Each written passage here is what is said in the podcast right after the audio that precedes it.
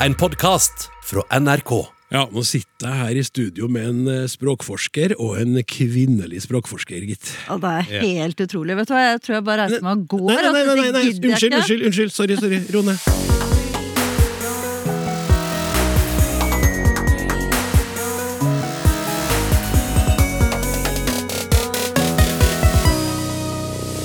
Dagens språkbruk er utdatert og sexistisk. Jeg mener vi må oppdatere måten vi omtaler kvinner på. Det skrev en 20-åring i et innlegg i Aftenposten nylig. Godt sagt, sier vi, og tar saken. Programmet er Språksnakk. Jeg heter Klaus Sonstad, og i tillegg til kjønna språk skal vi også se på nye språkkrav for den som vil bli norsk statsborger. Mens ukas gjest i Ut med språket mener en dose god, gammeldags skravling er så viktig for vår mentale helse at det burde bli skrevet ut på blå resept. Hjertelig velkommen til deg, kjære lytter, og velkommen til dere, forfatter og språkforsker Helene Uri, Uri og språkforsker Olaf Husby. Takk, takk. Ja. Tusen takk. 8. mai i år så kunne man lese et innlegg i Aftenposten sin kommentarspalte for unge, si det. Tittelen var Vi må endre måten vi snakker om kvinner. Og i tillegg til det som jeg leste opp i starten, så sto det blant annet Språk er makt, og språkbruken vår er med på å forme samfunnets syn på kvinner generelt. Måten vi prater på, reflekterer våre holdninger og internaliserte normer. Det er kanskje lett å tenke at det ikke spiller noen rolle, men det gjør det faktisk. Og hun som skrev det innlegget her, hun er med oss nå. Hei til deg, Gudrun Rødbotn Foss. Hei. Hva er det du mener må endres i måten vi snakker om kvinner på?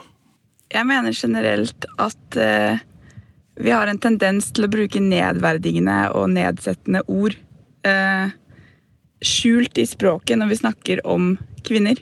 Rett og slett, Vi må bare ta og vaske opp det språket og oppdatere det litt. Ja, Har du noen eksempler? Ja, det er jo mange som fort kaller jenter for bitch, for eksempel. Eh, hvis de er litt eh, selvsikre eller stiller krav og bare virke litt eh, stolte av seg selv. Mhm. Eh, det er jo et ord som tilsvarende ikke finnes for eh, gutter, eksempel.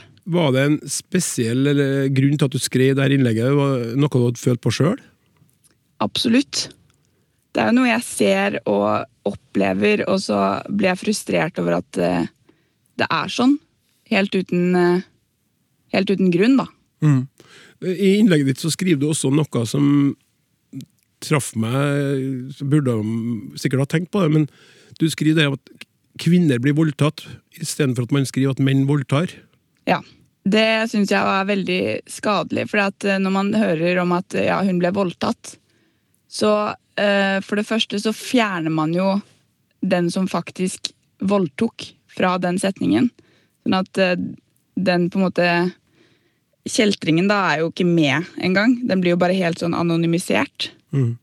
At man bare fremstiller jo uh, den voldtekten, og at uh, seksuell trakassering og voldtekt er bare noe som skjer med kvinner.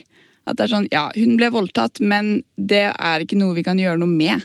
Fordi at sånn er det bare. Jeg syns det fremstiller eh, det problemet som det er helt uløselig, og at det på en måte ligger Problemet eh, ligger hos kvinnene, når det ikke er det som er tilfellet, da. Hvordan synes du det er å, å, å oppleve at, eh, at språket brukes sånn, og at det er sånn i dag? Det er jo veldig synd. Jeg syns ikke at det burde Eller jeg syns liksom ikke at det reflekterer eh, så langt som vi burde ha kommet. Mm. Og så langt som jeg føler at jeg og mine venner i hvert fall har kommet. Helene Uri, du blir jo referert til i innlegget til Gudrun, og uh, som forfatter og språkforsker så er du veldig opptatt av språk og kjønn, og uh, skrevet ei bok har du også, 'Hvem sa hva?', som eh, Gudrun refererer til. Uh, er du overraska over at hun syns at det er nødvendig å løfte her frem i dag? Nei, det skjønner jeg veldig godt. Eh, og så er det Jeg er jo veldig glad for det innlegget som Gudrun uh, skrev. Og jeg får jo brev og mailer og blir kontaktet av mange unge mennesker, særlig unge kvinner. Så dette er jo noe vi er opptatt av. Og Gudrun har jo helt rett når hun peker på at språket henger litt etter. Og språket er jo i sin natur nokså konservativt. ikke sant? Altså Se på ortografien, hvordan vi går rundt og staver på bokmål fargen hvit med HV, selv om det er ganske mange hundre år siden vi sluttet å uttale den H-en. Så språket henger jo alltid litt eh, etter.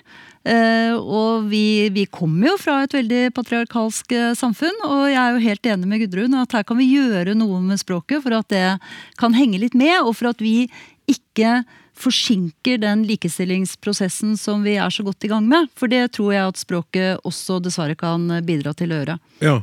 Eh, Kan du komme med eksempler på ord om kvinner som er negativt lada? Ja, det er, ikke så, det er ikke så veldig vanskelig. Men det vi kan, som er kanskje enda mer Altså enda tydeligere, det er jo når vi bruker ord som vanligvis betegner menn om kvinner, og når vi bruker ord som vanligvis betegner kvinner om menn. Altså Når ord krysser kjønnsgrenser, så skjer det noe veldig interessant. For da er det slik at når eh, menn blir omtalt i kvinnetermer, altså hvis jeg sier til deg, eh, Klaus, at du kjører som en kjerring, mm. så blir ikke du noe glad for det. Eller jeg sier at du er en sånn skikkelig dame, eller eh, bitch, da. Eller ikke sant. Et eller annet, så er, det er ikke positivt for en mann å bli omtalt som en kvinne. Men hvis jeg får høre at eh, sant, jeg skal manne meg opp, ja, hun hadde skikkelig hår på brøst, og for ikke snakke om eh, Jeg har jo av og til blitt utstyrt med testikler. ikke sant? Du har, du har jo baller, Helene. Du er skikkelig modig. Du tok det som en mann, du begynte ikke du å grine som ei jente. Ikke sant, sånne ting. Og Gro Harlem Brundtland hun var det eneste mannfolket i den eh, regjeringen der. Og da ser vi at gjennomgående så er det positivt når kvinner da blir omtalt med mannsbetegnelser, men aldri motsatt. Og det betyr jo at det er et sånt underliggende hierarki med mannen på toppen som vi er preget av selv i Norge i 2021. Ja. Det er jo litt rart. Ja, det er faktisk litt rart. eh, Og at det er så mye av det også. Mm. eh, Når man først eh, tenker på det, eller leser som innlegg som Gudrun har skrevet. Og de asymmetriene som du var så frekk å innlede med. ikke sant? At Ja. Det er forfattere, og så er det kvinnelige forfattere.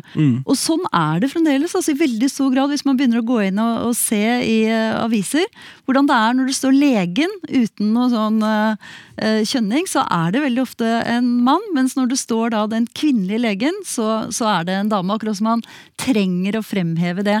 Som er kjemperart. Det er jo ikke overensstemmelse med statistikk og virkelighet i det hele tatt. Hvor det er 50-50 av kvinnelige og mannlige praktiserende leger i dag. Ja. Og mange flere jenter på medisinstudiet. Likevel så fortsetter vi å si disse tingene her. Ja, eh, Olaf Husby, språkforsker og eh, mann.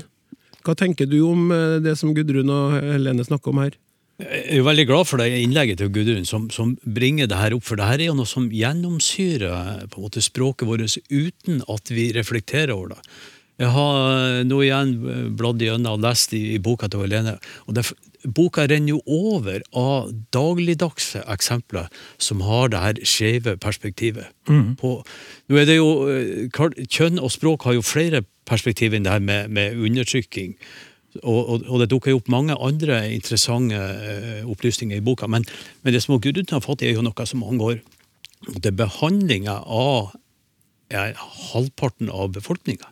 Det- Så det er alvorlig. Det er veldig bra at, at, at det her eh, kommer opp. Og det er prisverdig også at det tas opp i det her forumet. Ja, men Du, du tok det jo også opp en gang for lenge siden sjøl, og da fikk du på pukkelen. Ja, jeg var, jeg var eh, student, og så eh, hadde vi et kompendium i grammatisk analyse. Og, eh, og jeg tror faktisk jeg må ha lest boka hennes Else Ryen fra 76 og fått en idé om at nå skal jeg ta en kikk på eksempelmaterialet her. Og det var helt entydig. altså Man så i, i, språkeksemplene så eh, Kvinner de sto på kjøkkenet, de kokte, passa på barn, eh, sine ting. Menn de var på jobb, og de gjorde sine ting. Vokabularet knytta til menn og kvinner var helt tydelig kjønna. Og vi har snakka om aktiv-passiv. Altså Til og med inn i grammatikken slo det her. Ja, I ordbøkene samme mønstre. Og en stor undersøkelse med britiske læreverk hvor det også viser seg at kvinner er, forekommer oftere i passive konstruksjoner. Ja, Ja. ja. Nå tok du det opp? Ja, jeg, jeg skrev en artikkel i Instituttavisa, og eh, han som da hadde utgitt av kompendet, han var ikke så glad for at den artikkelen var trykt. Nei. Og det var den gang da, og så foregår det ennå, gitt. Det her er nesten 50 år siden. Ja. Ja.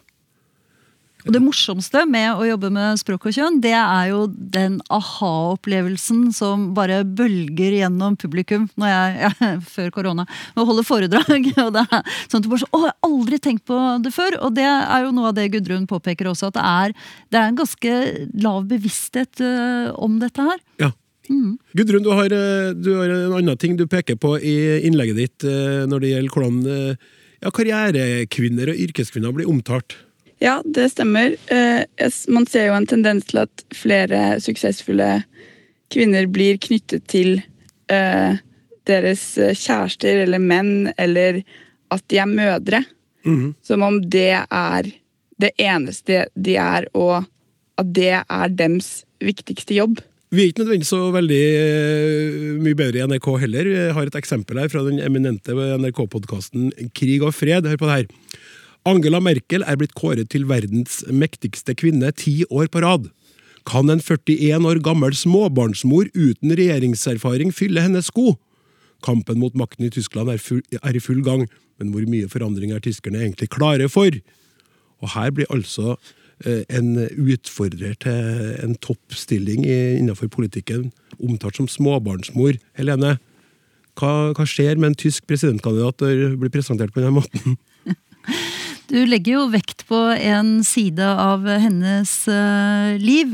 Eh, og det gjorde jo for så vidt du også i ditt spørsmål når du bruker betegnelsene yrkeskvinne og karrierekvinne. Du ville jo aldri sagt yrkesmann og karrieremann. Nei, men det var for å få frem den, eh, for å få frem, få frem den eh, kontrasten til Å, altså det var bevisst, ja. Ja, ja, ja akkurat her nå var det bevisst. altså. Ja.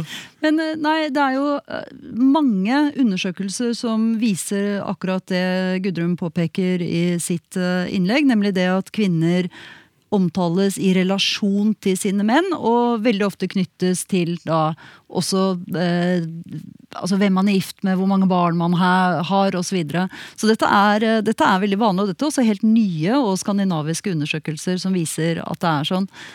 Så, så dette gjør at det legges vekt på det på en annen måte. På en annen side så er det også slik at eh, da herr Erna Solberg, og heter han, en Sindre, mm. ja, finnes, Ja. ja, mm, nettopp. Da, uh, han fikk jo ha fått skryt over at han da har uh, fulgt opp barna. Ikke sant? Så Det er jo den, eh, den andre varianten av dette. sånn at Det som er en selvfølge, det, det får da menn skryt for. Så vi henger igjen i, i noen sånn ganske gammeldagse, tradisjonelle mønstre. ja, vi henger igjen. Olaf Villavi har gjort det samme med en uh, småbarnsfar. Nei, jeg noterte akkurat det her, karrierekvinner og yrkeskvinner, som du nevnte. ikke sant? Og vi, vi, jeg, jeg tror jo at, at når, når menn gjør det som er ualminnelig, som da er, måtte, har en, si, en kvinnelig islett, så blir vi, vi, blir en, en, en flink far. Vi, vi, blir flinke å lage mat, og vi er huslige, og vi, er vennlige, og vi er snille med ungene. ikke sant? Som om ikke det var der vi skulle være i utgangspunktet. Eh, Gudrun, tusen takk for at du eh, skrev dette innlegget, og takk for at du var med oss i Språksnakk. Jo, tusen takk selv.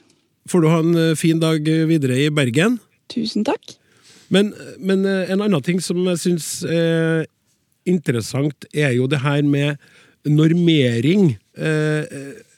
Og det har du også jobba med, Helen Uri. Kjønn og normering. Ja, jeg, Da jeg skrev boken min, så gjennomgikk jeg jo mye litteratur om kjønn og språk. Og det vi ser i både skandinaviske og ikke-skandinaviske studier, det er det at kvinner oftere legger seg i sitt språk tettere opp til normen. Altså det som regnes som pent, da, i anførselstegn, i, i det språksamfunnet. Og det, dette er ganske gjennomgående, rett og slett. Det er jo interessant. Ja, det er interessant. Eh, For du, Olaf, skrev jo om kj- kjønn og normering eh, for, i, i hovedoppgaven din for, For lenge siden. for lenge siden. Ja. Og da hadde du noe, et annet funn. Ja, så jeg fant at, eh, at uh, det var jo folk i, i, i gymnasalder, så de, de jentene som var med i undersøkelsen, de, følte, eller de ga uttrykk for at de heller valgte eldre former av dialekten i sin måte å snakke på, enn mer moderne former av dialekten. Men så nå er det jo forskjell på observert og rapportert språkbruk. ikke sant? En ting er hva man sier, en annen ting er hva man gjør. ikke sant? Og Helene refererer til er jo observert språkbruk, der man faktisk kan gå inn og dokumentere det som blir sagt. Det er jo ikke sikkert at, at de som sier at de gjør noe, nødvendigvis gjør det på samme måte. Men altså, eh, tallene mine var helt, helt uh, tydelige, og det var en entydig forskjell mellom, mellom grønter og jenter. Men, men det er jo ikke det du øh, kom frem til i den boka di. Nei, og jeg har jo ikke foretatt noen egen undersøkelse. Jeg refererer jo bare til eh, diverse undersøkelser som da viser at kvinner er eh, opptatt av å eh, snakke mer standardformer, da bruke flere standardformer. Ja, og en, en teori der om grunnen til det er at de eh, er mer, altså kvinner er mer sosialt usikre, da, at de ikke tør å være så bastant som menn og sånn. Ja, og det, dette, er jo, dette er jo den uh, forklaringen som jeg har sett flest ganger, ja, at kvinner er mer sosialt usikre, og at de da safer uh, ved å bruke da de, de, sikre formene, de som ikke støter noen. Ja, og jeg, jeg, jeg tenkte hvis det stemmer, da, akkurat det, så tenkte jeg at det kanskje kunne være knytta til det her skjønna språket, det lada språket som kvinner blir utsatt for. da at det gjør at man, man prøver å, å, gå på, midt på veien og ikke, ja, ikke gjør noe galt. For ja. at man blir justert av språklige normer og sånn. Ja, og, og, det er vel sånn uh, disse språkforskerne har tenkt, som har tolket uh, resultatene. Og jeg syns bare det er interessant å se hvordan man er så, sitter sånn fast i en ideologisk tolkning som ikke nødvendigvis er riktig. For da, uh, jeg tror jo ikke så veldig på det at kvinner er så sosialt usikre, og at de mm. dermed bruker språket for å heve sin status, som det, jeg har sett har blitt hevdet mange steder. Jeg tror det er mye mer komplekst enn som så. Eh, hva tenker du, Olaf? Altså det Kvinner bruker jo mange flere spørsmål og appellerer ja. når, de, når, de, snakker med menn. Og nå appellerte jeg til deg for å, for å ja, høre hva du syns. Jeg, I mitt voksne liv har jeg stadig opp, sånn oppdratt som forsker. ikke sant? Så jeg har, jeg har, jo lært meg det her, eh, det å være forsiktig og ta forbehold. ikke sant? Sånn, akkurat for meg er det ikke, selv om mange sikkert vil påstå at det til tider er veldig bastant, så, så, så, eh, det er jo en mye enklere måte Eller det, det bringer jo flere inn i samtalen når du, når du eh, modifiserer og du appellerer og du altså, uh, bruker navn, du viser til det, det som andre har sagt osv. Mot at du har lange monologer, og det er kun du som, som snakker. ikke sant? Ja, jeg, jeg satt og, og, leste min egen bok om igjen på hotellet i dag morges. Hva syns du, da? Jeg syns den er skikkelig god. Burde fått Bragepris. Nei, og da skal jeg bare si dette, så kan dere se om det er interessant. For det, det jeg gulet ut her som jeg tenkte er interessant, det er en sånn eh, amerikansk undersøkelse fra en amerikansk high school. Nå skal vi bare teste dette. Og da viste det seg nemlig at ja, i samsvar med de fleste undersøkelser, men, ikke, men mot din, da, kanskje, eh, så viser det at det er jenter som snakker mest i samsvar med prestisjespråket. Men så viser det seg også at det er jentene som bruker det aller mest rebelske, altså det tøffeste språket. Det som er aller lengst unna det pene språket. Det var også jentene. Ja. Uh, og da uh, skriver jeg veldig klokt her da, at det viser jo at uh, valg av språkformer det kan ikke reduseres til spørsmål om kjønn. Det handler om så mange andre ting. Og, og det, dette syns jeg er et ganske morsomt poeng. da, At det viser kanskje at kvinner har et verbalt sett en større arena å boltre seg på. Og det har vært noe, det syns jeg er ganske interessant. Altså det at Ehm, kvinner kan bruke denne nøkterne, saklige stilen når vi snakker. selvfølgelig kan vi det. Og så samtidig så kan vi puse oss til, og så kan vi ha masse emojier på og legge ut sånn 'Å, pena', og 'den fineste du', og 'hjerte, hjerte, hjerte' på Facebook. Ikke sant? Det går også an. Eh, men det er jo litt rart hvis Olaf gjør, hvis du legger ut masse hjerter og sånn på så, så, er ikke det Det truer muligens din maskulinitet. Kona mi feirer bursdag, og hun fikk fem hjerter. ja, og der, der, kjenner jeg meg! Nå kjenner jeg og jeg hjertet i vei altså, til venner, kompisene mine. Og, så der eh, nå, nå har vi en helt ny Det viser jo at verden beveger seg. men, men sånn tilbake til utgangspunktet eh, innlegget fra Gudrun og det her eh, kjønna språket, som vi kan kalle det. da. Er det noe er det noe håp om at vi skal klare å, å, å bli kvitt det, eller i hvert fall redusere omfanget av det? Eh, er det, er det noen vei vi kan gå? Den språklige bevisstheten må jo selvfølgelig økes hos hver enkelt, det er jo én ting, men det er noe annet man kan gjøre? Ja, så Staten har jo forsøkt å gjøre noe her ved å skifte ut eh, stillingsbenevnelser. Mm. Nå heter det jo ikke eh, fylkesmann lenger, men eh, statsforvalter, for eksempel. Mm. Og det er jo en vei å gå. Ja da, Vi skal komme tilbake til et lytterspørsmål eh, om det på slutten av sendinga. Eh, så langt eh, så tenker jeg at vi sier tusen takk. Eh, Helene, du blir som sagt med å svare på det spørsmålet som er knytta til nettopp det her navneendringene. Og Olaf, der har jeg en hane å plukke eh, med allerede nå. Ja. Språksnakk med Klaus Sonstad. Eh, Det handler om eh, noe som vi tok opp i lytterspørsmål spesial, Olaf. Snakka om i og y. Eh, og en lytter som mente at det var kommet blant visse grupperinger eh, at man hadde begynt å bytte ut eh, y-en med en i. Mm. Ja. Og så snakka vi litt om det. Så kom det inn en eh, merknad etterpå, et par stykker. Eh, I barndommen min på 50-60-tallet gjorde far en gang narr av folk fra nabobygda Lærdal i Indre Sogn fordi de snakka rart. De sa nemlig å skita med gevær. Dermed ville sagt skyta. Skal en hevde at fenomenet er nytt, da kan en kalle meg ung, og gjerne det, skriver Marit Næss. Mens Øystein Avangsnes, som jo er språkforsker sjøl, han eh, har tvitra om eh, det samme, og skriver da en stående vits fra Sogn er om han lærdølen som skulle sikla ned pau Sikla ned pau skitebana og skita litt. Eh, og kaller det for itakisme. Og det her kjenner vel du til? Ja, altså Itakisme er jo at, at uh, Y blir bytta ut med en I. Så det som rent uh, ja, artikulatorisk skjer, er at du i stedet for å runde leppen sånn som du gjør med Y, så holder du leppen i nøytral eh, posisjon. Og det får eh, Det at du fjerner den rundinga, får akustiske konsekvenser. I-en og Y-en er ganske like akustisk, men de har en, en plass i et frekvensbånd hvor de er ulike. Og når du da fjerner rundinga, så faller de sammen. Ja. Eh, Og årsaken til det her er jo vanskelig å si. Man, man snakker jo om språklig latskap til og med når språklige endringer skjer. Men antagelig ikke. Vi har jo andre i, det heter jo, eh, altså I områder så har de jo andre runde lyder som O og Ø og Å, ikke sant?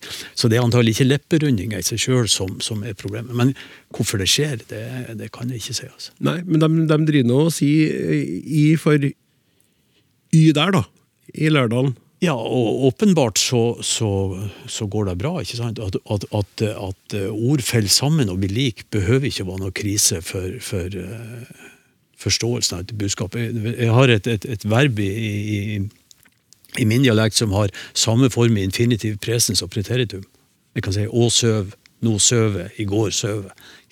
Når du pakker det her inn i en sammenheng, så skjønner jo folk med en gang at ok, her er det infinitiv, her er det presens, her er det preteritum. Sjøl om det kan bli ganske artige setninger. av det. Kan det bli hvis man vil legge vekt på det. da. Ja. Tusen takk skal du ha, Olaf Husby. Eh, snart skal vi snakke om nye og strengere krav til norskkunnskaper for den som skal ha håp om statsborgerskap i Norge, men nå er det klart for ukas gjest i Ut med språket. Hun var i mange år artist og hitmaker med låter som var populære både blant publikum og hos radiokanalene, men nå er hun mye mer opptatt av samtalens helsebringende betydning. Wenche Knutson, velkommen. Tusen takk. Du er rykende aktuell med boka La oss prate mer sammen. Og vi skal prate mer sammen om den boka òg, men eh, først så har jeg lyst til å spørre deg litt om eh, noe helt annet enn denne fine boka om samtalens kraft eh, og betydning for eh, eh, folkehelsa. Eh, du var jo, eh, og er jo, man kan si det sånn, du kan si fortsatt at du er artist. Ja, jeg syns jo Du må gjerne si det. Eh, og, og bruke det for det det er verdt. Jeg var i hvert fall det ganske lenge, og så, Og det var helt strålende. Eh, og så er det fint også å få lov å, å ikke være artist på heltid, kan vi si. Jeg er sånn mikroartist. Du er mikroartist. nå. Du, du var artist på heltid, og du hadde masse hiter. Veldig mange hiter. Ja, Ja. og du var på øret til veldig mange radiolyttere i Norges land, og du for rundt og spilte overalt, og så plutselig en dag så fant du ut at det her har ikke jeg lyst til å gjøre noe mer. Ja, eh, kort fortalt eh, så var det kanskje sånn, men, men det var over en liten periode, altså. Ja. Du vet, når man skal jobbe med, med musikk og kunst på det viset der, så må man jo ha noe å, å fortelle, og man må ha, et, man må ha det ekstra giret. Det krever ganske masse å, å både lage det og stå i det og levere det og, og leve det, og så er det så man må liksom ha, ha noe å gi. Og på et eller annet tidspunkt så ble jeg litt sånn ferdig. Det var, det var ingens feil. Det var mer på en måte det at jeg hadde ikke noe mer å, å, å gi på akkurat det der. Og fant ut at jeg heller kunne ha lyst til å bruke energien på andre ting. Um, så nå jobber jeg ja, med musikk på en litt annen måte. Starta en musikkskole istedenfor. Ja, du har starta noe som heter Poprommet, som vi skal komme tilbake til ganske straks. Men jeg tenkte bare jeg skulle spørre deg først. Det her med å skrive, for du, har jo, du skriver jo tekstene dine sjøl. Ja, og det med å skrive sangtekster og poptekster er jo en, det er jo en spesiell sjanger. veldig. Og det er jo, du skal jo på en måte fortelle en hel historie på, på 16-18 linjer. Uh, og gjerne hvor på en måte fire av de linjene som er refreng, skal gå om igjen og om igjen. Så du må på en måte få, få det ganske sånn godt eh, fortalt på kort, eller på få ord. Eh, det, er, det er kjempegøy og veldig spennende, og spesielt når man skal sette melodi til det. Eh, for for en, en glad og fin tekst kan jo ikke ha eh, Vi kan jo ikke ha en veldig trist melodi til det. Nei. Så det blir jo det å samkjøre glade ord med, med fine klanger, liksom. Og litt triste ord med, med litt triste klanger. Ja. Hva, Eh. hva kommer først, da? Låta eller teksten? Det kommer litt an på. Noen Ja. ganger så hadde jeg eh, veldig mange ting jeg ville fortelle, og teksten kom, kom først, og så satte jeg melodi til det.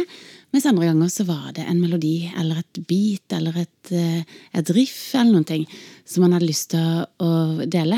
Og så kom teksten eh, litt i andre rekke. Og det, det kan man jo ofte høre eh, når man hører på en tekst til noen, om, om det var tekst eller melodi som kom først. Ja, akkurat. Sånn i, sånn i ettertid. Ja, nå i ettertid kan jeg i hvert fall liksom høre på de gangene jeg tenkte å ja, der var det riffet, ja, som var greia. Eh, men andre ganger så er, det, så er det som sagt den lille historien som man får lov å fortelle på, på, på, på tre minutter. Ja, og, den, jeg ga jo en liten oppgave.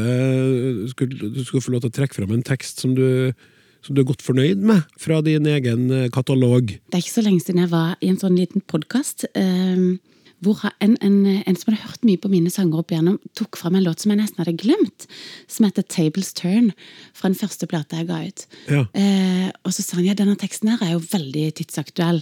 Og så, så hadde jeg skrevet den i 2004, liksom. Eh, og da når jeg hørte den, så tenkte jeg det var egentlig ganske Det må, det må ha vært en bra dag, sånn tekstmessig.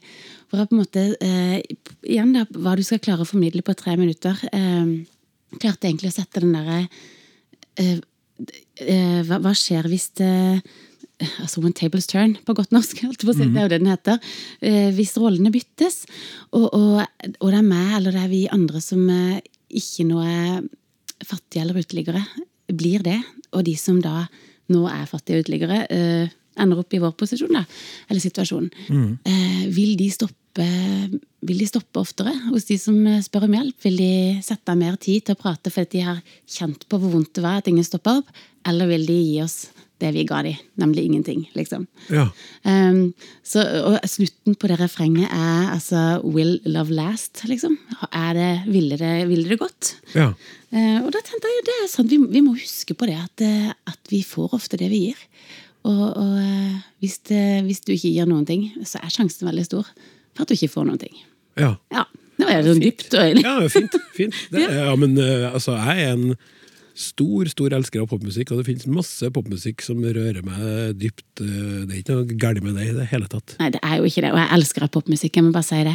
Og, og når det er sagt, eh, var, det var skikkelig gøy å få være artist eh, og få jobbe med det på heltid en stund. Men fytti grisen, faktisk. Så mange flinke folk det er kommet nå på banen, liksom. Og jeg er så stolt av, av, som, ja, Jeg har jo ikke egentlig grunn til å være stolt, men jeg er så stolt av de nye, spesielt kvinnelige artistene som er nå. Mm. Som skriver så mye bra låter, liksom. Ja, det er tøft. Det er, det, det, det er så mange. Det er så, Det er så mange. mye som skjer. Ja, det er veldig spennende. Å, Men jeg, jeg må fokusere litt på deg istedenfor, for at det her er jo eh, ut med språkespalten i Språksnakk, men akkurat det her syns jeg at det var så artig eh, når du fortalte om at jeg vil gjerne ha det likevel. Selv om det ikke er direkte knytta til språk. Eller på et vis er det det, for du har jo vært med i Grand Prix. Ja, det har jeg. Og den sangen har du vært med og skrevet, selv om det var mange som skrev på den låta. Så, Ja. har du, så fikk du 'Jealous Cause You Love Me'. Jealous cause I love you. Cause I Love You. Sånn var det, ja. Riktig, takk. Men du må fortelle Nei. jo, altså på en, på en eh, helt vanlig dag så ville du kanskje sagt nei faktisk til å bli med i Grand Prix. eh, Av ren eh, sånn sjenanse, og det blir for skummelt for meg. Selv om du var artist. Ja, det har du helt rett i. Så de var ganske heldige da de, de ringte akkurat en dag hvor jeg var ganske blid, blidbrisen, kan du si. Ja. Hvis det er lov å si, og hvis, det er, hvis brisen er et ord som er lov i, i språksnakk. Brisen er innafor på P2. Det skal er det, ja. Da er, det, da er jeg godt brisen og, og blid, og de ringte og sa du, vi har ei låt her som, eh, som høres ut som kan bli en skikkelig bra Grand Prix-låt. liksom. Eh, har du lyst til å bli med på det? Ja, det har jeg! Svarte jeg. Og så da, da var det.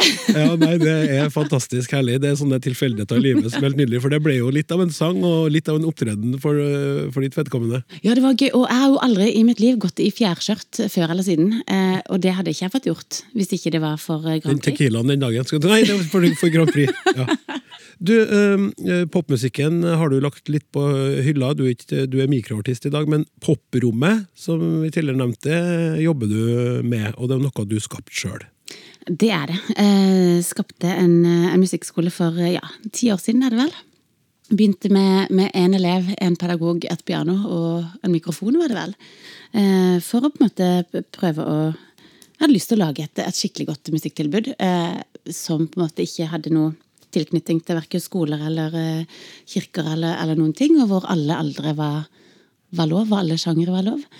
Um, begynte veldig smått, ja, som sagt, med en elev og en pedagog. Og så vokste det seg ganske fort eh, større. En elev ble til, til to, og til fem, og til sju. Og så kom det noen og spurte sånn, ja, skal dette være en sangskole? Eh, nei. Ja, kan vi ikke få gitar på? Jo, jo, jo. Så fikk jeg på en gitarpedagog. Så begynte vi å leve, ja.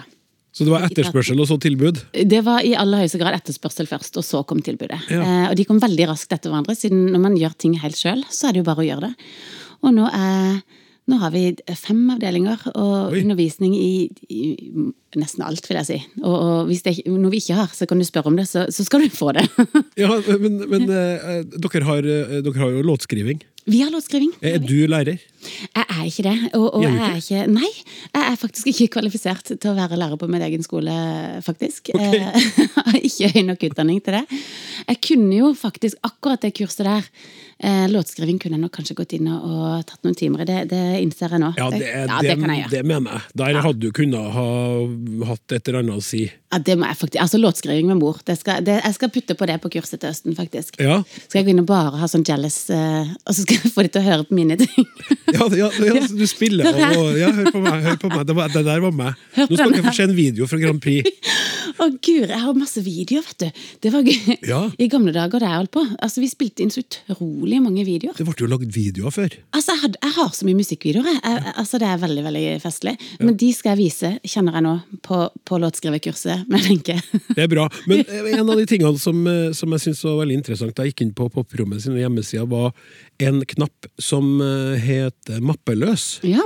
Som jeg synes du skal fortelle om, for det leder oss litt videre til, til det som har kommet inn i ditt liv i de senere årene. ja. Start med Mappeløs. Ja, det kan jeg gjøre. Mappeløs er Det begynte som en filosofi som poprommet ble drevet av, ved, på, i. Under. Eh, under, se det. det er riktig preposisjon. Eh, og og mappeløs-filosofien går ut på at eh, fortiden ikke skal definere framtida di. Eh, den er spesielt retta ut mot barn og unge som vokser opp i institusjoner eller i barnehjem, og som kjenner at mappa deres ofte går foran dem, og gir folk et inntrykk og en, en eh, forhåndsbestemt seg for hva du kan oppnå, og hva du kan klare. Um, så på, på poprommet så er det ikke sånn. Der, vet, der er det ingen som vet hvem som kommer hvorfra. Vi har mange barn rekruttert fra fra barnevern og institusjoner og sånn, og det er ingen som vet hvem som er hvem. Og de får akkurat de samme krava og, og mulighetene som alle de andre. Ja. Um, og vi ønsker jo at det skal være liksom flere som altså vi, Jeg ønsker jo et mer mappeløst samfunn, hvor det er lov å vokse 10 cm på en sommer og endre litt kurs og, og bestemme deg for å gjøre noe nytt. Um, det er ikke alltid vi trenger disse mappene våre, tenker vi. Nei. Ja. Ja, en fi, fin ting, syns jeg, eh, må jeg bare si. Eh, eh, og det er jo knytta til det nye prosjektet som eh, heter Skravlekoppen. Mm. Eh, som handler om at man skal se mennesker eh, der og da, og ikke være så opptatt av historie. Eh, dem, den som sitter der, er det mennesket du møter. Ja. Eh, Men Skravlekoppens eh, altså, Bare ta helt kort, helt kort først, bare så vi forklarer det konseptet nå, som den boka jo er knytta til. Ja. La oss prate mer sammen. Hvis du, skal, hvis du skal si det i kortversjon før vi snakker om hvordan den er Ja. blitt til. Eh, Du, Skravlekopp er faktisk en grønn kopp som du står skravlekopp på. Eh, Og den står sammen med de andre koppene på kafé eller restaurant eller i kantina. Og når du velger den koppen, så gir du signalet om at du er åpen for en prat. Ja. At du er tilgjengelig, og at hvis noen lurer på om åh, er det noen jeg kan sitte med i dag, yes, der var det en grønn kopp. Jeg setter meg der. Så det er rett og slett en kopp som sier 'jeg vil gjerne snakke med deg hvis du vil snakke med meg'. Det er helt riktig. Og det er jo en fin ting. Og jeg må si at eh, nå er jeg jo en eh, lettrørt eh, person, men jeg har lest i boka di og blir jo rørt av historiene som vi skal komme tilbake til. Men så artig også hvordan det starta. Ja. For du hadde jo sånn, en åpenbaring Ja, en dag ja det hadde jeg. på et seminar eller et foredrag. Ja, og, og, og som da min tidligere erfaring med seminarer var jo ganske, ganske få. Eh, Jeg har jobba der som artist, og, og lærer har ikke vært på så mange seminarer, så det kan jo forklare min voldsomme entusiasme rundt dette her, å få sitte på seminar og, og høre at folk snakker om viktige ting. Men det var i hvert fall en dame der som snakka om ensomhet.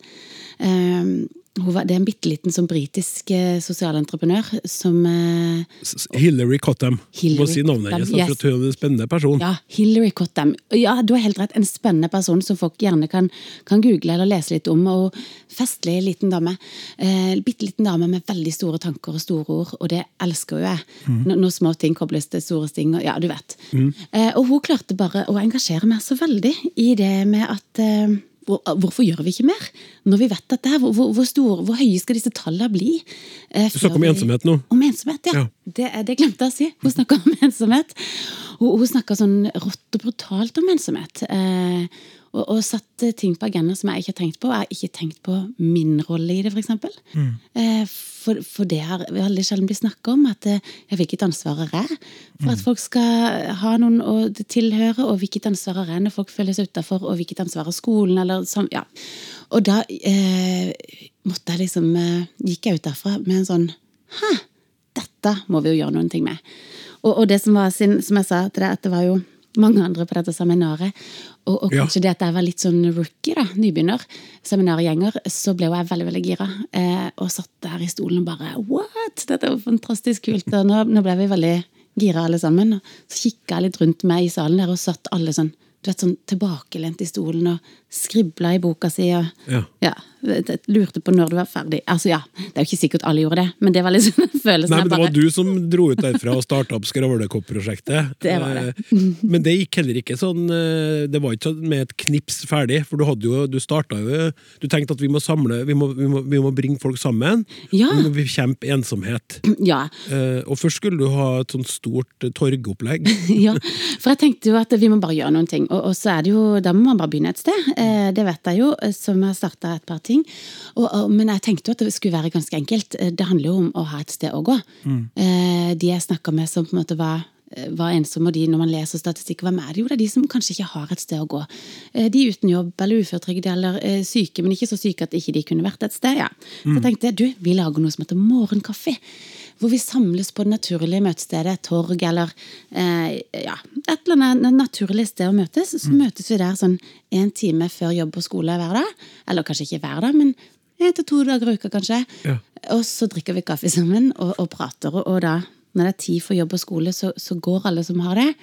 Og så blir de andre igjen, og da har de på en måte møttes, da. Ja. Så kan de være sammen. Um, Men det der funka jo ikke. orka ikke. Det ble veldig veldig ensomt. For det, var, det er ikke så mange som har lyst til å møtes en time før jobb og skole. Det skjønte jeg etter hvert. Så da, det ble en litt ensom erfaring, og, og helt greit. Eh, så jeg gikk jo da på versjon to av, av mitt, eh, min søken mot eh, for å finne, liksom, finne en slags løsninger. Jeg liker løsninger, jeg, da. Ja, og, og den, den, den versjon to er litt artig òg, for at da gikk du til en du kjenner for å få litt hjelp, og han eh, strupa jo den ideen ganske tvert. Veldig. Det var, Ja. tro, ja, det var veldig Hva var det? det var det kaffevenn? Det var Kaffevenn. Ja. For jeg tenkte, ok, Da, da går vi, gjør vi noe annet. Da, da bruker vi kafeen, og så lager vi noe som heter Kaffevenn. At du, eh, du kjøper, du kommer inn i kafeen, så er det oi, der sitter det en dame alene. Eh, hun har sikkert lyst til å snakke med meg, skal du tenke. Eh, og så kjøper du to kaffe, og så går du hen til bordet og sier hei. Eh, skal vi være, vil vi være kaffevenn, eller skal vi drikke kaffe sammen? på et Ja. vis? Ja. Og jeg tenkte der og da, igjen så er det noe med retrospektet, da, at man ser ting etterpå. Ja. Jeg tenkte at det var jo en bankers idé, hvis du skjønner. Det var, det var supert. Og så gikk jeg der til min venn Bård Gundersen og skulle lage liksom logo og nettside og på en måte komme i gang med dette her, og man kunne melde seg på og sånn. Og så var strupende, som sagt, eh, eller som du sa, med sånn derre Hæ, ja, må jeg alltid spandere kaffe? Og, og, og to, eh, må jeg alltid bli venn, liksom, eh, med den personen? Og tre, hva hvis hun har lyst til å sitte alene? Ja. Så jeg bare, å ja, ok. Veldig fine og forståelige innvendinger til, til en Veldig. god tanke som du hadde. Veldig, og det var jo det, og det var derfor den siste kom, som, som jeg, jeg stoppa på den, som heter Skravlekopp der. Som er det er det det signalet, da. Eh, nei, du trenger ikke spandere. Du kjøper din egen kaffe, men du kjøper den i grønn kopp. Og problemet med, eller problematikken med vil du eller vil du ikke sitte alene, har vi jo da løst. For du tar den koppen, og da har du vist at nei, du vet du hva, det er kjempehyggelig hvis du setter deg ned med meg nå, liksom. Ja. Eh, og nei, det forplikter ikke et langvarig vennskap eller eh, noe annet. Altså Samtalen du får over den koppen, kan være de sju minuttene som det tar å drikke en kaffe. Eh, eller dele lunsj. Eller det kan være altså Vi har jo fått historier fra folk som har mista både én og to busser. For det har vært så hyggelig å så endelig dele en liten formiddag sammen med noen. Eh, Ja, for, for nå, nå- kjenner jo garantert noen av dem som hører på, på en sånn klassisk norsk skepsis, som fort kan eh, være knytta til sånne Ja. prosjekter, der du skal sette deg ned med noen fremmede. Sånn! Mm. Oi, oi. Og så er det også det der at ja, men hva med hvis du setter deg ned med en sånn kopp, da, og så er det ingen som setter seg, vil ikke det bare forsterke eh, opplevelsen din av ensomhet? Det er to sånne sider av samme saken. Sånn, Sikkert noe kritikk du har møtt underveis òg? Motstand på det? Eh, ja, og, og om ikke liksom, motstand, altså om ikke motstand eller kritikk, men, men spørsmålet sånn der, og, og kanskje mer den frykten for, liksom. Ja. Og, og den lander jo veldig godt hos meg. Sånn herlighet, det må vi jo passe på at det ikke skjer. Eh, og så kan jeg jo svare eh, først at eh, at ja, hva, ene svaret er ja, hva så? Ingen hadde jo satt deg ned, satt ned med deg hvis du hadde den hvite koppen heller. Eh, men, men da har i hvert fall du vist at du er med i, i det som vi har kalt folkebevegelse mot ensomhet. og at du er for et, et rausere og, og varmere samfunn. Og hvis det da tilfeldigvis skulle vært noen som hadde ønska å prate, så hadde de sett at, at du var der og satt seg ned. Eh, men, men, eh, men på en måte hvis vi klarer å tenke på at eh, at det er ikke så farlig. Det, det er verre å tenke på at det satt noen der den dagen som gjerne skulle ønska seg en prat, og så, og så tok ikke du den koppen. Eh, og gikk glipp av den lille praten. Eh, jeg syns det på en måte er en verre tanke enn å, å måtte sitte litt alene med en kopp kaffe i noen minutter. Det, det går fint, tenker jeg. Ja.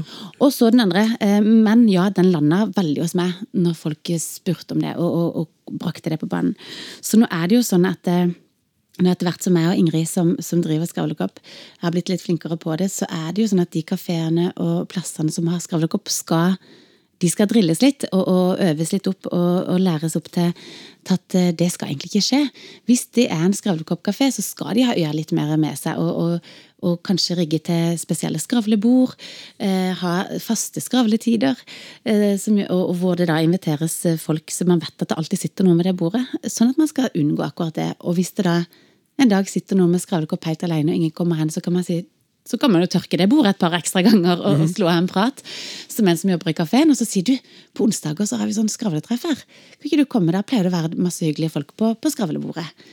Så, sånn kan man på en måte løse det med, eh, på andre måter. Og så plutselig så, så har vedkommende funnet seg noen å skravle med, eller funnet seg en plass rundt det bordet som er naturlig, og som det er hyggelig å komme tilbake til. Ja, for du har jo, dere har jo virkelig fått fart på det her. Det er mange kafeer som har meldt seg på, og mange kommuner som har blitt med, og masse bedrifter som også hiver seg på. Eh, Så det har jo fått fotfeste, og dere vil sikkert eh, utvide så mye som mulig for å bekjempe så mye ensomhet som mulig. Eh, Og i, i boka, da, Wenche Knutson, din første bok, antar jeg? I min aller første bok. Ja, la oss prate mer sammen, så kommer du med noen eh, eksempler på eh, både på ensomhet som eh, det med studenter. Det synes jeg du skal fortelle om studenter, om, om hvordan de bruker mobilene for å late som om de ikke er ensomme. Ja, eh, for, og studenter eh, allerede før pandemien. Nå, nå vet jo alle, nå er det oppe og vedtatt at, at Eller nå vet jo alle at studentene har hatt det tøft etter pandemien kom.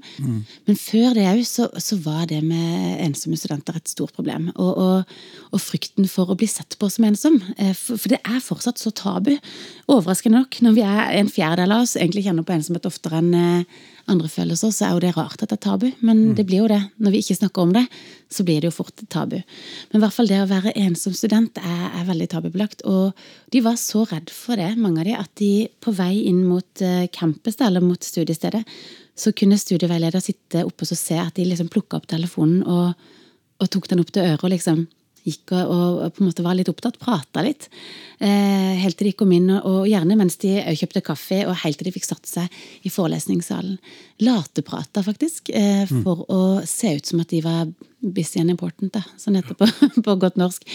Og, og det er jo eh, Så trist. det er så trist, og, og, og det er trist. Og så er det trist at det lages så mange fine arrangement for studenter. Det er jo så, det er så mye fine studentsamskipordninger og, og, og fadderuker og ting for studenter som, som egentlig skal det være superlett å komme på. Men frykten for å komme dit alene og bli stående alene og, og bli oppfatta som en som ikke har en gjeng, er så stor da, at de velger å heller bli sittende på, på hybelen sin. Så det er jo litt av det vi jobber med med Skravlekopp til student. At eh, både den at eh, ansvarliggjøringa, at du, du må faktisk gå ut, du. Hvis du skal gjøre noe med ensomheten din. Du, du må ut og engasjere deg, og, og du må ut av hybelen din og, og møte opp. Men da skal vi som studiested passe på at det er trygt. At du, at du unngår det som du er redd for. Unngår å bli stående alene. Vi skal ha skravlehjørner og skravlekopper, og, og man kan og vi kan snakke høyt om det. Vi, vi forplikter oss å snakke høyere om det med ensomhet, sånn at det blir mindre og mindre farlig. liksom. Ja, du, du har, har jo kjent på ensomhet i livet sjøl, og du beskriver jo en periode i, eh, i livet ditt, av livet ditt i boka eh, da du var ung og nyskilt, og sikkert følte deg både litt sånn ja, så man, eh, der har jeg jo erfaring med sjøl, man føler seg jo litt patetisk som Ja. nyskilt, og så, og så er man gjerne litt sånn utafor og ensom. Da var det jo en trønder som mm. forbarma seg over deg. Jeg syns det er litt artig at det var trønder, han Bjørn, da, Ja. som du nevner i boka. Bjørn og fruen. Bjørn og fruen, ja, det var helt fantastisk. Jeg flytta for meg sjøl for første gang. Jeg bodde i en liten eh, leilighet på Majorstua. Eh, og, og satt ofte ute på Ja, som du sa, og kjenner på den derre Dette fikk jeg jo ikke til, liksom. Eh, og satt ofte ute på den lille verandaen jeg hadde utenfor leiligheten. Eh, og en dag så romsterte det altså veldig mye på naboverandaen, og så stakk det et hode rundt denne skilleveggen vår. Og så så han på meg og sa han, ah, der er du! Du er ny! Jeg kommer rundt. Og så gikk det liksom 20 sekunder, så sto han på andre sida av døra og, og ringte på og kløyv inn i min leilighet, føltes det som. For han var liksom 1,90 høy og svær mann med, med dansende bart, faktisk. Og trønder. Og så sa han 'Hei, jeg heter Bjørn. Er du aleine?' Eh, så nikker jeg liksom. 'Ja, du, da skal vi passe på deg, vi'. Ja, og det, det er så fint. Må, vi må bare hoppe til en sånn scene som virkelig rørte meg. En scene, scene som det var fra en film. Yeah. For det begynte jo å gå bedre med deg, så møtte jo han som eh, i dag er mannen din. Mm. Når dere hadde vært på en sånn tidlig date, så, så ville gjerne det, mannen din, og Thomas, Ja. eh, han ville gi deg blomster. Og så må du fortelle hva som skjedde da du kom hjem til den blomsteren. Ja, for jeg var, vi var, hadde vært på vår første date, og så dagen etterpå så, så, så dro jeg på jobb. Og så eh, kom jeg tilbake, og så eh, Jeg bodde i, i femte etasje. Eh, og så sånn, du vet, sånn svalgang, sånn at, at man har en trapp, og så er det ja. Og så visste Thomas at jeg bodde i femte etasje, for det hadde jeg sagt, men jeg hadde ikke sagt hvilken leilighet jeg bodde i. Så han hadde på en måte stoppa utafor og så gått opp og så hengt en blomsterbukett på den der døra som gikk ut til svalgangen. Den som jeg delte med, med Bjørn og kone. Og, og en til til. Eh, en leilighet til. Eh, og når jeg kom hjem fra jobb, så sto Bjørn, altså store mann, han sto og trippa, altså, som en liten jente, og, og ved siden av den blomsterkvasten, og bare der liksom! det, liksom. Der til det. Og jeg tok med meg den inn i leiligheten, og han fulgte etter, liksom. Eh, og, og, og så på mens jeg pakka opp, og så sto det liksom eh, til Wenche, takk for en eh, hyggelig kveld i går. Hilsen Thomas. Og han bare du, klapper i sånne store hender og henter kona, og det må skåles, og ja. Det var rett og slett superduperkoselig. superduper koselig. Og sånn var de. de, de de, de klarte å fryde seg så, eh, sammen med meg. Kjente meg nesten ikke. Vi, vi var aldri sånn personlig snakke om, om de, vi, vi satt veldig sjelden og liksom prata om, om store ting. De bare, de bare klarte å fryde seg med meg. Og det er noe som jeg eh, ønsker at vi kan gjøre mer. Fryde oss på hverandres vegne, liksom. Klappe i pusselankene våre når, når, noen, eh, når det skjer noe hyggelig med noen. Ja. Og der var de skikkelig gode, og, og spesielt Trønderbjørn. Han var god på det. Og det, det gjalla jo når han klappa i, i sine lanker. Um, I sine svære hender. Yeah. Ja, Er du alene? Ja, er du alene? Vi skal passe på deg. ja. Nei, det er fine greier. Det er veldig, veldig ja, rørende lesning. Mm. Og så er det sånn da at uh, Skravlekopp-prosjektet du, du hadde, har en nyhet å komme med. Det, nå brer det om seg, sprer seg som et sånn godarta virus fra Norge og ut i verden. ja, det er altså Eller har to nyheter å komme med. Ja. Jeg, jeg tipper du skal til en ene som er litt sånn Den, den er jo veldig, veldig spesiell, fordi at ja. eh, Det må jeg fortelle. Det er hun Hillary Cottam der, tilbake til denne lille britiske damen. Som satte det hele gang inni deg. Som satt alt i gang inni meg. Ja. Har du hatt kontakt med hun? Jeg har hatt litt kontakt med henne. Jeg sendte henne en liten eh, mail etter at jeg starta Skravlekopp, og bare takka for liksom, det foredraget som satte i gang denne tingen her. Og, og, og hun som, som Bjørn fryder seg på, på engelsk eh, og, og skriftlig via mail. Eh, så vi har ikke hatt kontakt noe annet enn det. Men jeg følte at hun fryda seg, i hvert fall, sammen med meg. Ja. Og så har hun uten at jeg visste, lagd et blogginnlegg. Hun har gått inn på nettsida og, og skrevet om dette her, og, og det på engelsk og laga et blogginnlegg om det. Som gjorde at noen i Texas har sett det blogginnlegget, så følger hun sin blogg. Eh, og så har de tatt kontakt med meg, og nå vil lage Skravlekopp eh, i eh, USA. Scrabble Cup? Yes. I thought it would be Cup, men de har funnet veldig, eller vi sammen har funnet et veldig veldig kult eh, ord. Nå heter den Connecti Cup. Connecticup. Det er veldig gøy. Ja. Cup. Så de har fått eh, fargen på koppen, de skal lage samme kopp. Vi har laga logo i ConnectiCup, Og vi holder på nå å liksom oversette nettsider og alt, sånn at de kan sette i gang med altså Som de sier at eh, hvordan skal Amerika komme seg ut av ensomheten etter pandemien? Eh, hva med å starte med en kopp kaffe? Connecti Cup. Ja, så bra. Sånn skal de eh, markedsføre den. Så det er veldig gøy. Og Hillary Cottam skal gjøre det i England. Så det er stas. Ja, det er stas. Mm. Men den andre nyheten er at Skravlekopp skal ut på turné i sommer. Oi! Og vi skal faktisk fra nord til sør og samle inn skravletips. Vi, vi har eh, funnet oss ei stålskute som ligger på Kalle i Lofoten. Og en, en to meter høy eh, danske som heter Nick, som er kaptein på den skuta. Og han har sagt seg villig til å sette fire uker sammen med oss i sommer til å få opp hverdagspraten igjen. Eh, og samle inn gode tips og triks for hvordan vi skal prate sammen. For vi vet jo at, eh, at ja, mange gleder seg til ting åpner opp, men det er jo mange som, som gruer seg. Som sto litt på utsida før pandemien kom, og som vet at det er ikke noen grunn til at folk skal invitere dem noe mer, nå som ting er tilbake til normalt igjen. Og, jeg er veldig redd for at ikke vi har lært noen ting, og at vi glemmer å invitere. Så vi skal, vi har kalt det for Sammen i sommer, og så skal vi innom 18 sopp fra Lofoten og ned til Oslo. Innom å ha små eh, skravleevents og samle gode skravletips og eh, ja, lage sånn få folk rett og slett i, i prat igjen. Eh, snakke om og viktigheten av den gode hverdagspraten. Ja. Så det blir veldig stas. Ja, Det Man kan gå på Sammen i sommer på Skravlekopp, og så kan man faktisk melde seg på, eller lage et arrangement sjøl som vi kommer innom, eller hvis man vil eh, kjøpe kopper eller bøker, eller bare hilse på, eller bare komme og fortelle åssen de syns det er best å, å, å gjøre det. Og vi skal dra fram alle fine krefter rundt i landet vårt som gjør skikkelig mange gode ting, men som man kanskje ikke er helt klar over at alle har lov å bli med på. Eh, Så det blir Ja. veldig gøy. Ja, veldig bra. eh, og artig å høre. Og verdensutbredelse, i hvert fall via Texas foreløpig, og snart England. da. Mm. Og så turné i Norge i, i denne tida. Det blir kjempebra. Jeg har egentlig bare Altså, det her har vært en veldig fin uh, ut med språket om skravling og styrken i samtaler uh, mot ensomhet og depresjon. Og generell livsglede i å møte hverandre og se. Ja. hverandre. Uh, ut med språket, Wenche Knutson. Ut med språket. Hva er ditt favorittord? Å! oh, stemmer. Eh, deilig. Deilig. Mm. Ja. Jeg tror deilig er det, det beste ordet jeg vet om. Og, og deilig kan settes på så mange Og når man, man har det Når man har det deilig, så er ting bra. Og det, det er deilig når ting går godt og, og jeg, jeg tror jeg går for deilig, altså. Ja, men Det syns jeg du skal gjøre. Det synes jeg var et veldig fint ord. Ja, og, så, og hvis man klarer å bruke det ofte, så gjør det noe med, med det.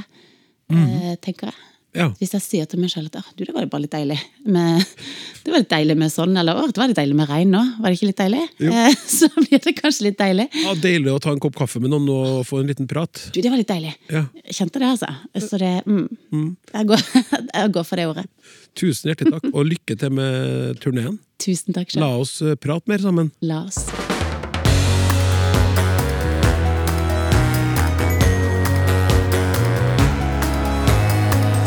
Språksnakk med Klaus Sonstad.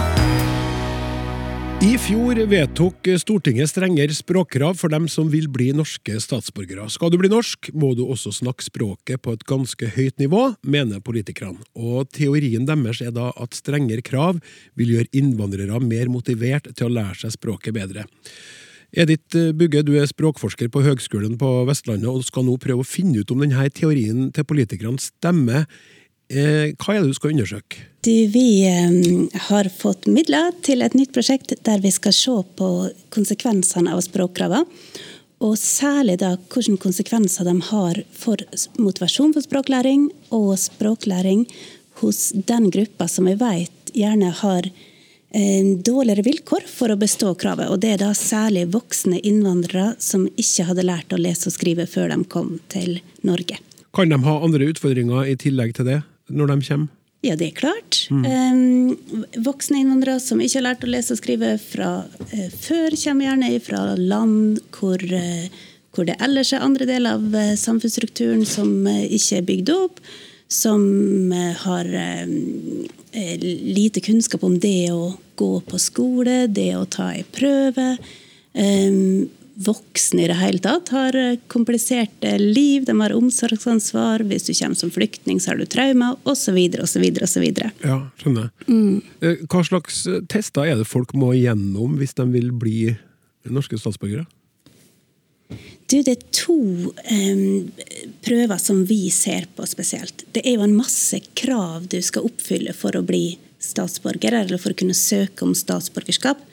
Du må ha bodd eh, så og så lenge i Norge, osv.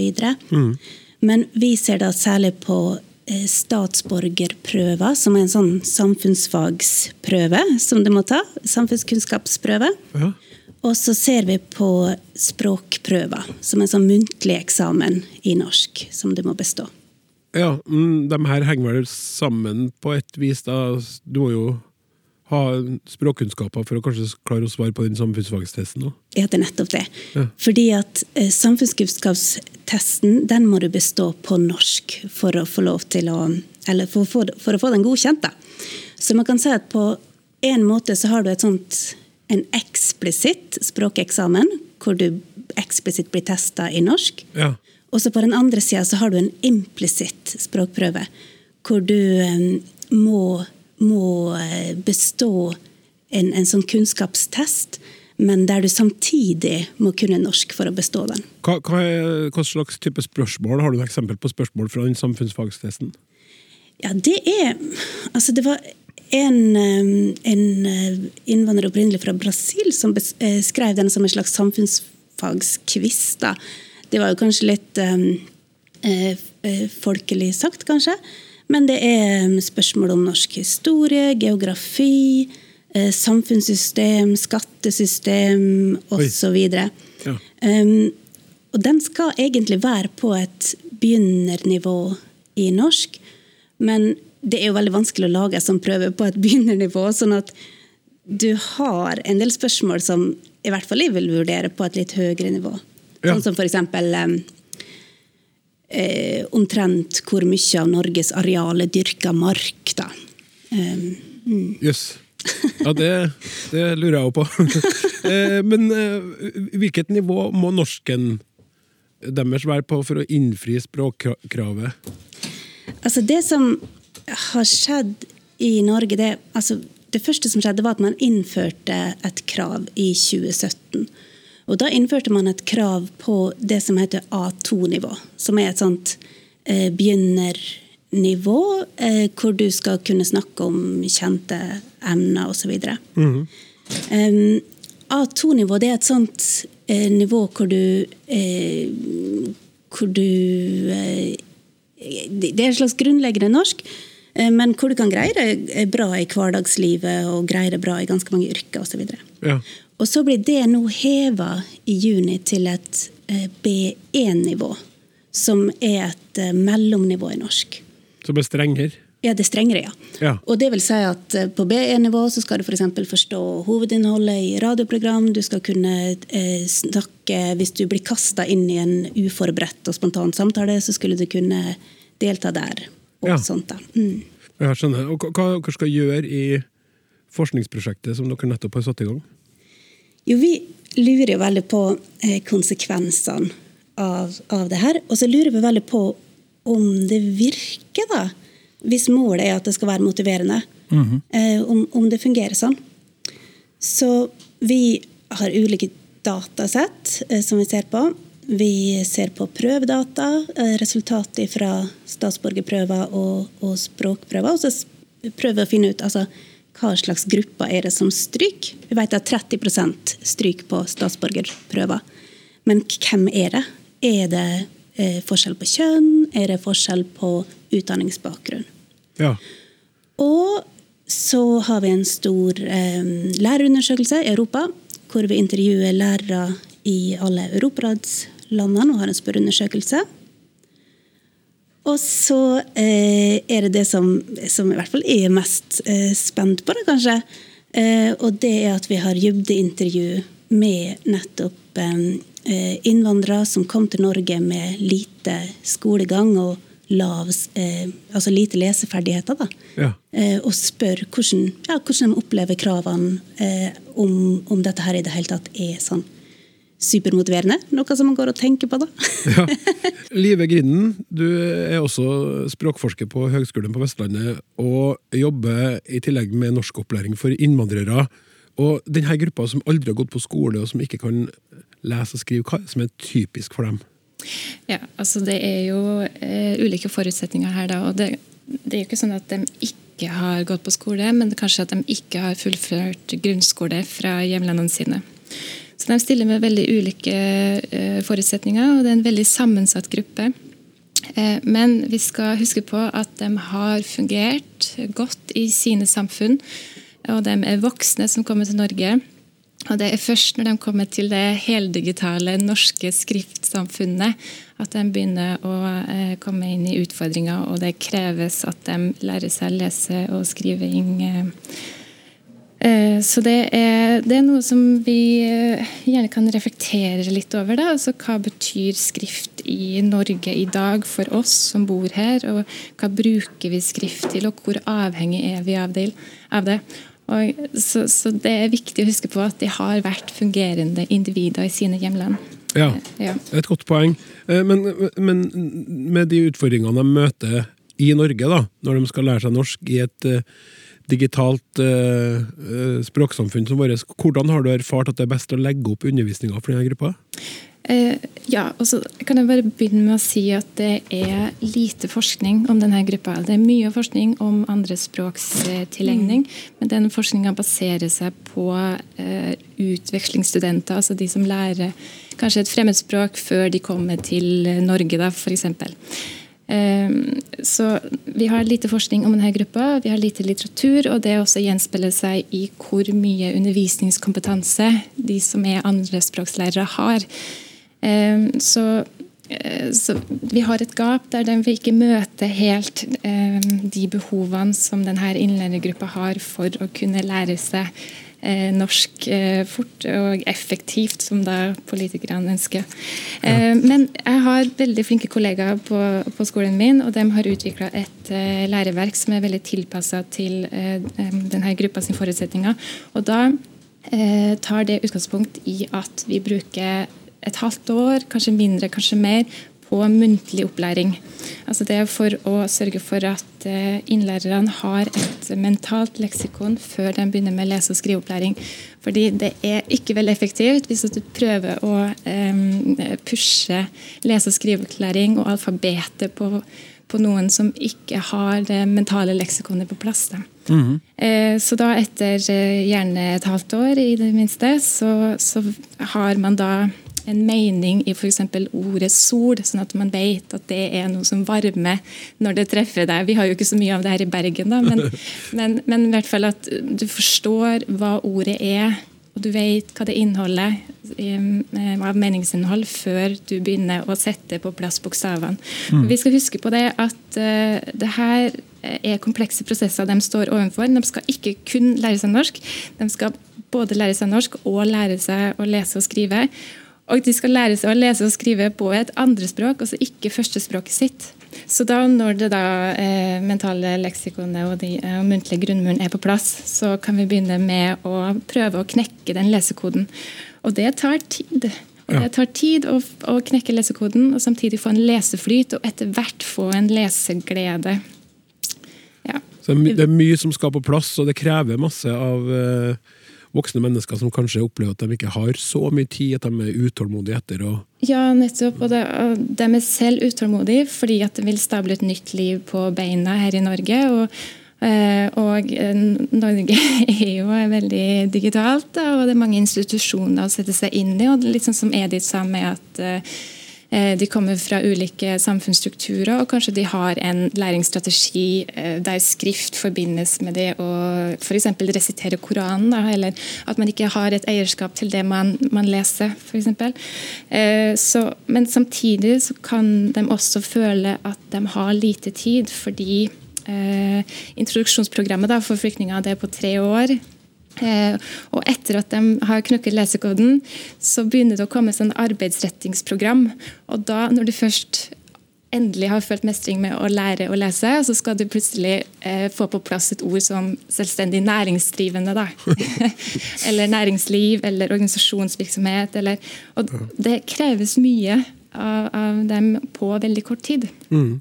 En ting som man også skal lære seg eh, veldig fort, det er hvordan man tar ei prøve. Og hvordan man består ei prøve. Ja. Og det er jo noe som man kanskje ikke eh, tenker på, at vi eh, har brukt enormt mye tid på å lære oss og øve oss når vi har gått gjennom eh, eh grunnskolen, f.eks. Mm -hmm. Og som kanskje også bidrar til at, eh, at noen grupper eh, har større problemer med å bestå prøver enn andre. Hva er dere mest spent på å finne ut av i forskningsprosjektet som dere akkurat har starta på?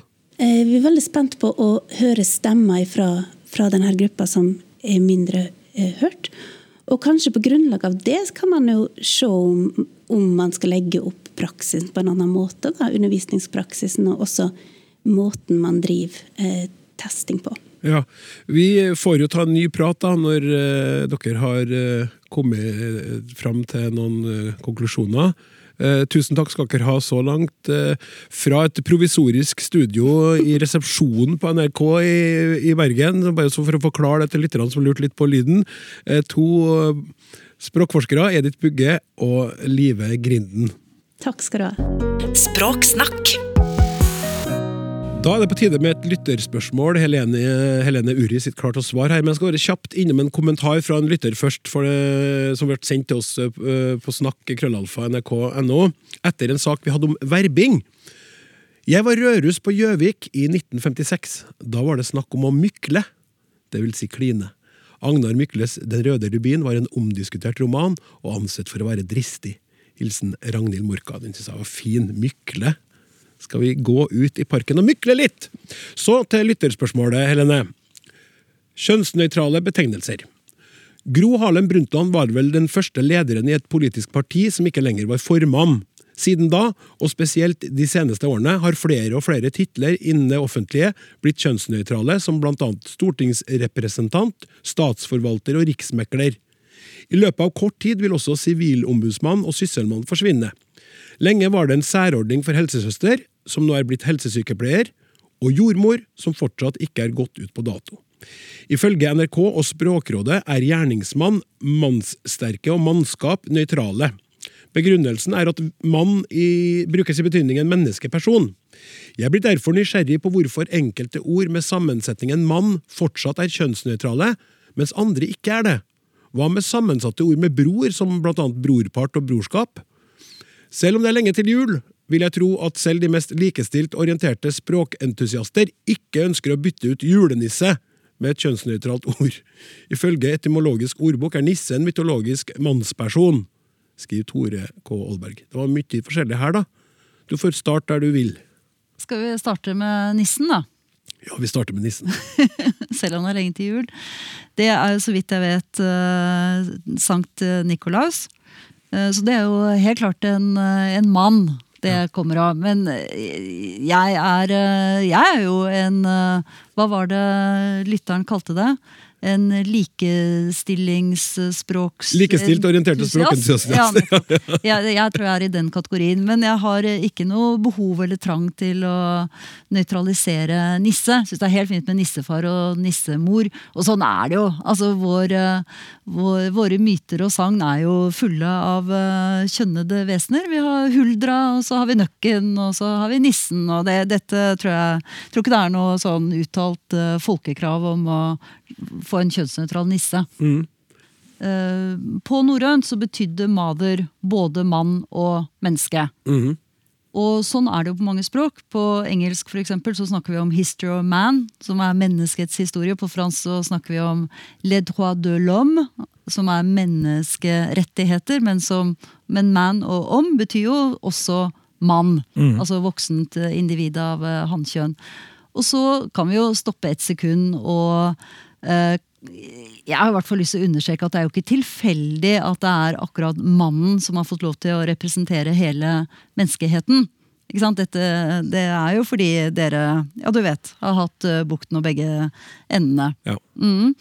Eh, så, så derfor har vi, vasser vi jo i menn i språket. ikke sant? Det er gå mann av huse, og det er eh, sidemann og, og gjerningsmann, og vi går manngard, og være mann for sin hatt osv. Det, er en, det er en mengde menn overalt. Det er mannsdominert. Det er ganske mannsdominert, faktisk. faktisk. Og så spør lytteren om eh, brorpart. Eh, Og det betyr jo noe helt spesielt. Altså Brorpart er jo ikke halvparten. Brorpart er jo en større andel. Og det går jo tilbake på at eh, tidligere så var sønnen, sønnens arvelodd var dobbelt så stort som datterens. Ja. Ja, så det kan vi jo ikke Og dette er jo et fint eksempel på at språket viser kulturhistorien vår også. Vi skal jo ikke bli helt eh, hysterisk militante og viske alt, alle kjønnsforskjeller bort fra språket. Det er jo ikke det vi vil. Overhodet ikke. Nei. Men, men eh, man, no, hvorfor noen eh, ord eh, med sammensetningen mann fortsatt er kjønnsnøytral, mens andre ikke er det? Jeg, jeg tror ikke jeg er enig i at gjerningsmann eh, bør være kjønnsnøytralt. Eh, Jeg ville nok behandlet det på samme måte som formann, som har blitt skubbet til side og stort sett erstattet med, med leder. Eh, Og det er jo noe som vi som språkbrukere har gjort. På samme måte som eh, det het ordensmann da jeg gikk på skolen. Nå heter det ordenselev. Man snakker ikke om varamann, man snakker om vara. ikke sant? Eh, og så har du der hvor staten har eh, trådt til og faktisk da forandret fylkesmann til statsforvalter. Så det er Mm. to litt forskjellige eh, altså to forskjellige årsaker som har ført frem til den, den endringen der. Gjerningsperson, da. Ja, jeg ville absolutt ha sagt gjerningsperson. For meg er det unaturlig å Tenk, tenk deg liksom en sånn eh, setting hvor det er eh, en jentegjeng som, eh, som raner eh, en eh, gammel dame på Majorstuen. Jeg, jeg ville jo ikke sagt at eh, gjerningsmennene løp av gårde. Nei. Jeg ville jo sagt gjerningspersonene. Jeg syns det er veldig rart at en, en jente skal være gjerningsmann. Så jeg synes at når vi har en god erstatning, som vi har, vi trenger jo ikke å si gjerningsmann, vi kan si gjerningsperson, så syns jeg vi skal gjøre det. Ja. Og jeg sa jo i sted at dere menn har fått æren av å representere hele arten i eh, ord som mannskap og nordmann. Eh, men her har dere jo, får dere jo skammen også, gjerningsmann. Og det er jo ikke alltid dere har skylden, da. Nei, det er sant. Det syns jeg er veldig godt å vite. Tusen hjertelig takk skal du ha. Eh, dagens språksnakk er ikke bare ved veis ende. Dette er også den siste ordinære sendinga før sommerferien. Men det betyr ikke at du trenger å vandre hvileløst omkring de kommende ukene. De tre neste episodene settes av til spørsmål fra deg som hører på.